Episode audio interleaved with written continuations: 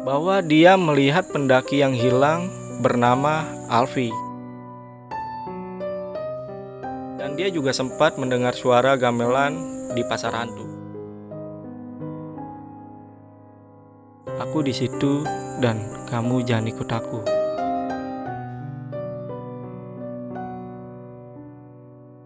Assalamualaikum warahmatullahi wabarakatuh Selamat malam teman-teman Kembali lagi di Lentera Malam bareng gua Jamal Dan di segmen cerita horor kali ini gua akan membawakan sebuah cerita Tentang seorang wanita saat mendaki Gunung Lau dan mengalami kejadian mistis Cerita ini gua ambil dari sebuah tweet di Twitter yang ditulis oleh Arjungs Nanti buat teman-teman yang mau baca ceritanya Gue bakal taruh linknya di deskripsi Oh ya, sebelum ceritanya dimulai, gue mau info ini.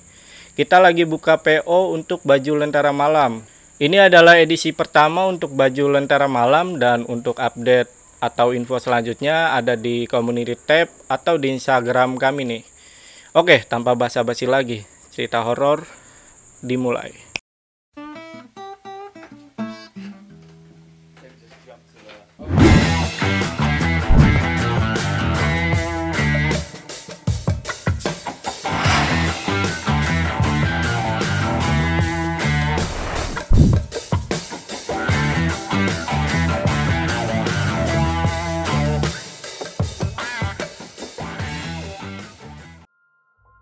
Cerita ini dialami oleh seorang wanita bernama Citra saat mendaki Gunung Lau. Cerita ini berawal ketika Citra mengikuti open trip ke Gunung Lau bersama temannya bernama Bayu. Dan sebelum berangkat sebenarnya Citra sudah diperingatkan nih lewat mimpinya karena selama tiga hari berturut-turut Citra selalu bermimpi tentang Gunung Lau. Oh ya, Citra ini juga bisa dibilang indigo nih atau sensitif terhadap hal-hal mistis, bahkan bisa melihat makhluk-makhluk tak kasat mata, walaupun tidak setiap waktu dia melihat. Oke, kita kembali ke cerita. Akhirnya Citra tetap berangkat ke Gunung Lau bersama temannya Bayu. Tanggal 30 April 2019, Citra dan Bayu berangkat ke Jakarta. Tapi banyak hal apes yang dialami keduanya. Mulai dari KTP yang ketinggalan, sampai kereta yang mereka tumpangi ke Jakarta itu berasa lambat. Dan benar saja, sesampainya di Jakarta, mereka pun ketinggalan dengan rombongan open trip. Kereta menuju Solo sudah berangkat. Mereka sempat berpikir untuk mendaki gunung lain aja nih. Tapi mereka tiba-tiba ditelepon sama ketua open tripnya. Katanya ada orang Bogor yang ketinggalan juga, sebut saja namanya Dani. Akhirnya ketemulah mereka yang senasib sama-sama ketinggalan kereta. Mereka pun memutuskan untuk pergi ke Terminal Cakung karena hanya terminal di sana saja yang 24 jam dan pada saat itu hari pun sudah malam. Sesampainya di terminal, mereka pun mendapatkan bus menuju Solo dan berangkat jam 11 malam. Tanggal 4 April 2019 jam 15.00, mereka tiba di base camp Cemoro Sewu. Mereka berpikir ada salah satu panitia open trip yang menunggu mereka. Tapi kenyataannya para rombongan semuanya sudah mendaki terlebih dahulu. Mereka pun kebingungan karena mereka semua baru pertama kalinya menginjakan kakinya di Gunung Lau. Tapi akhirnya mereka pun beruntung karena mereka bertemu dengan pendaki Solo bernama Kang Ridwan yang juga ingin mendaki Gunung Lau dan Kang Ridwan ini katanya sering tektok juga nih di Gunung Lau. Jadilah mereka berempat naik. Singkat cerita, mereka naik jam 5 sore dengan cuaca yang cerah pada saat itu. Nah, di tengah perjalanan, Citra melihat ada pohon yang tumbuh di atas batu dan Citra bilang ke Bayu untuk difotoin di atas batu tersebut.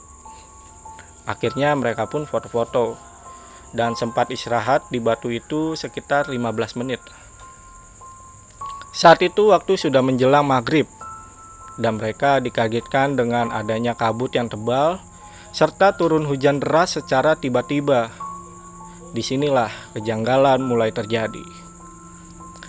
Mereka pun melanjutkan pendakian dan di tengah perjalanan Citra melihat ada banyak orang yang duduk di pinggiran trek dan betapa di atas batu besar dengan memakai baju kuno zaman dahulu. Mereka yang dilihat Citra tersenyum ke Citra dan Citra pun membalas senyum mereka. Tapi anehnya, yang melihat hanya si Citra saja nih. Dan ketika Citra mau bertanya ke teman-temannya, tiba-tiba ada suara orang tua yang berbisik ke telinga Citra dan berkata, "Jangan bilang siapa-siapa. Apa yang kamu lihat, teman-temanmu tidak ada yang bisa lihat. Hanya kamu saja yang bisa melihat." Citra pun kaget karena suara tersebut tidak terlihat sosoknya. Citra mencoba rileks karena tidak mau membuat khawatir teman-temannya. Akhirnya mereka pun sampai di pos 2. Mereka memutuskan untuk berhenti di warung untuk makan dan sholat sambil menunggu hujan reda di warung ini. Si Citra sempat dikasih wejangan nih oleh ibu pemilik warung tersebut. Dan ibu tersebut bilang, jaga dirimu. Ini hujan yang tidak baik. Ini bukan hujan biasa. Citra yang mendengar perkataan ibu tersebut merasa aneh. Kenapa ibu pemilik warung tersebut bisa berkata seperti itu? Singkat cerita, mereka pun melanjutkan pendakian karena waktu sudah menunjukkan jam 8 malam. Satu jam berlalu, mereka pun belum sampai di pos 3. Tiba-tiba Citra melihat ada sosok anak kecil dan meminta digendong oleh Citra. Dan terdengar kembali bisikan orang tua yang berkata, "Gendong saja sampai dia turun sendiri, karena ini salahmu juga." Ternyata ketika tadi si Citra duduk di batu besar yang ditumbuhi pohon, si Citra ini ngedudukin sosok anak kecil tersebut. Citra pun sudah merasa takut dan kepengen banget cerita ke teman-temannya. Tapi Citra tahu bahwa tidak boleh cerita yang aneh-aneh ketika sedang di gunung. Sampai Citra kondisinya benar-benar lemah, mual, pusing, dan punggungnya pun terasa sakit. Karena sudah tidak kuat lagi, Citra pun tanpa sadar bilang ke teman-temannya bahwa dia gendong anak kecil di punggungnya. Teman-temannya pun merasa cemas dan takut Apalagi si Bayu yang sudah paham dengan Citra yang punya kelebihan merasakan hal-hal gaib. Akhirnya keril Citra pun dibawa oleh Bayu dan sosok anak kecil tersebut menghilang. Singkat cerita mereka pun sampai di pos 3 dan Citra mengalami kesurupan selama 20 menit. Tapi alhamdulillah Citra pun sadar. Lalu mereka pun lanjut jalan. Sebenarnya Citra belum benar-benar sembuh nih dari kesurupannya. Karena selama perjalanan, menurut kesaksian Bayu, si Citra ini sering muntah-muntah dan suka ngawur ketika ditanya. Akhirnya mereka pun sampai di pos 5. Citra pun sudah sadar dan langsung berkata bahwa dia melihat pendaki yang hilang bernama Alfi di arah shelter 3. Karena sudah sampai di pos 5, mereka semua beristirahat. Waktu sudah menunjukkan jam 1 malam. Jam 3 malam, Citra kembali kesurupan dan membuat pendaki lain yang ada di sekitarnya juga ikut kesurupan. Hingga sampai salah satu pendaki memanggil bapak yang ada di warung. Bapak itu pun bersedia membantu mereka sambil membawa sesajen dan mereka yang kesurupan pun akhirnya sadar. Bapak ini juga bilang nih bahwa si Citra harus selalu diajak ngobrol agar dirinya tidak kosong dan tidak kesurupan lagi. Singkat cerita, mereka akhirnya sholat bareng dan bersiap-siap untuk melakukan summit. Jam 6 mereka summit, Citra tiba-tiba ingin buang air kecil. Citra kaget karena tiba-tiba dia haid dan keluar darah banyak banget. Padahal itu bukan jadwalnya si Citra untuk haid. Akhirnya mereka sampai summit jam 9 pagi dan mereka juga sudah bertemu dengan rombongan serta panitia open trip di sana dan kembali bergabung dengan rombongan open trip. Jam 1 siang, mereka semua berkumpul dan berdoa untuk melanjutkan perjalanan turun lewat jalur Candi Cetok. Singkat cerita, perjalanan turun aman-aman aja nih. Walau si Citra ini merasa masih ada yang nempel di punggungnya, dan dia juga sempat mendengar suara gamelan di pasar hantu. Singkat cerita mereka sampai nih di base camp Cetok. Mereka pun membersihkan diri.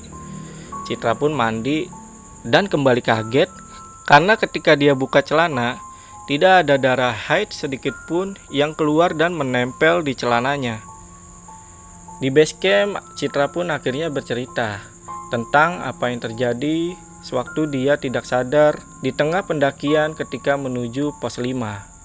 Dia melihat Alfi di sana. Citra bercerita, sebelum melihat Alfi, dia melihat ada seorang wanita cantik memakai gaun putih dan mengikuti dia. Wanita bergaun putih ini membawa Citra ke sebuah rumah besar, seperti istana, dan di sana banyak pendaki-pendaki lawas yang berkumpul.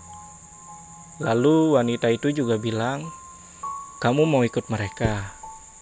Tanpa sadar, Citra pun bilang, "Iya, aku mau." Wanita bergaun putih ini pun sempat pergi sebentar dan kembali menemui Citra dengan membawa Alfi dan Alfi disuruh oleh wanita tersebut untuk membawa Citra ke suatu ruangan dan di situ Alfi juga sempat bilang, "Tolong ambil jasadku di pos 3 dekat shelter di ujung jurang. Aku di situ dan kamu jangan ikut aku."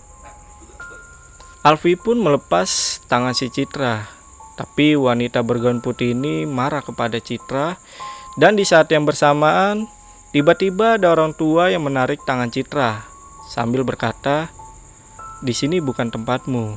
Ini tempat orang yang sudah meninggal." Dan Citra pun sadar, lalu keadaan berlanjut seperti yang diceritakan tadi. Singkat cerita, mereka semua pulang nih. Dan selamat sampai ke rumah. Citra kembali bercerita sepulangnya dari Gunung Lau. Dia dimimpiin tentang kesalahan-kesalahan saat dia berada di Gunung Lau. Yang pertama, dia tidak izin saat foto di pohon yang tumbuh di batu besar itu. Yang kedua, dia juga tidak permisi sama orang-orang yang ia lihat duduk di sepanjang trek dengan memakai baju kuno. Dan teka-teki mengenai orang tua yang selalu bisikin citra sepanjang pendakian adalah seorang kakek yang diutus oleh kakek buyutnya Citra untuk menjaga Citra. Oke, itu tadi cerita horor untuk video kali ini. Dan kali ini gue mau mereview cerita yang gue bawakan tadi bersama teman-teman nih. Jadi teman-teman bisa tulis di kolom komentar nih.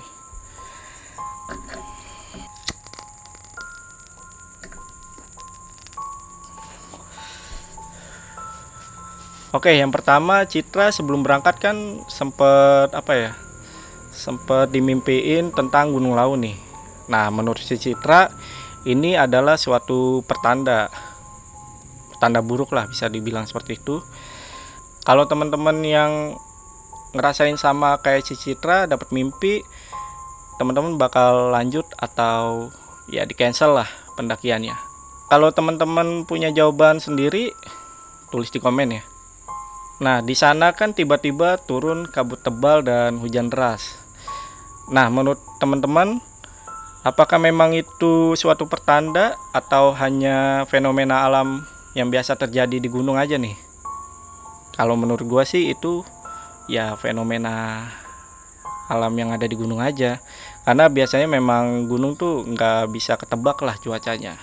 Tapi kalau teman-teman punya jawaban sendiri atau pendapat yang lain, tulis di komen lagi selanjutnya si Citra kan sempat duduk di batu nih yang ternyata dia ngedudukin anak kecil yang enggak yang tanpa sengaja lah bisa dibilang padahal si Citra ini sebenarnya uh, bisa dibilang kan indigo atau punya kelebihan tapi kenapa si Citra tidak melihat sosok anak kecil tersebut sebelum duduk di batu dan mungkin teman-teman yang indigo boleh kasih pendapatnya kenapa si Citra bisa mengalami hal itu. Oke, berikutnya si Citra ini kan sempat ketemu dengan sosok wanita bergaun putih nih. Nah, teman-teman kira-kira ada yang pernah ketemu juga gak dengan sosok tersebut? Kalau ada yang pernah ketemu, tulis di komen. Dan pembahasan terakhir gua adalah tentang ketika si Citra bertemu dengan Alfi. dan seperti kita tahu Alfi adalah korban pendaki hilang yang sempat ramai diperbincangkan nah kira-kira si Citra ini benar-benar ketemu dengan Alfi atau itu hanya jin yang menyerupai Alfi saja? Dan teman-teman boleh kasih komentarnya di bawah. Oke mungkin untuk cerita horor hari ini cukup. Jadi buat teman-teman yang punya cerita horor atau mau jadi narasumber di Lentera Malam teman-teman bisa kirim ceritanya lewat email kami atau DM aja ke IG kami. Atau teman-teman yang punya rekomendasi cerita yang bagus dan ceritanya pengen dibawain gua sama Adit teman-teman bisa langsung komen aja di bawah. Ya udah gua Jamal dari Lentera Malam pamit. Sampai jumpa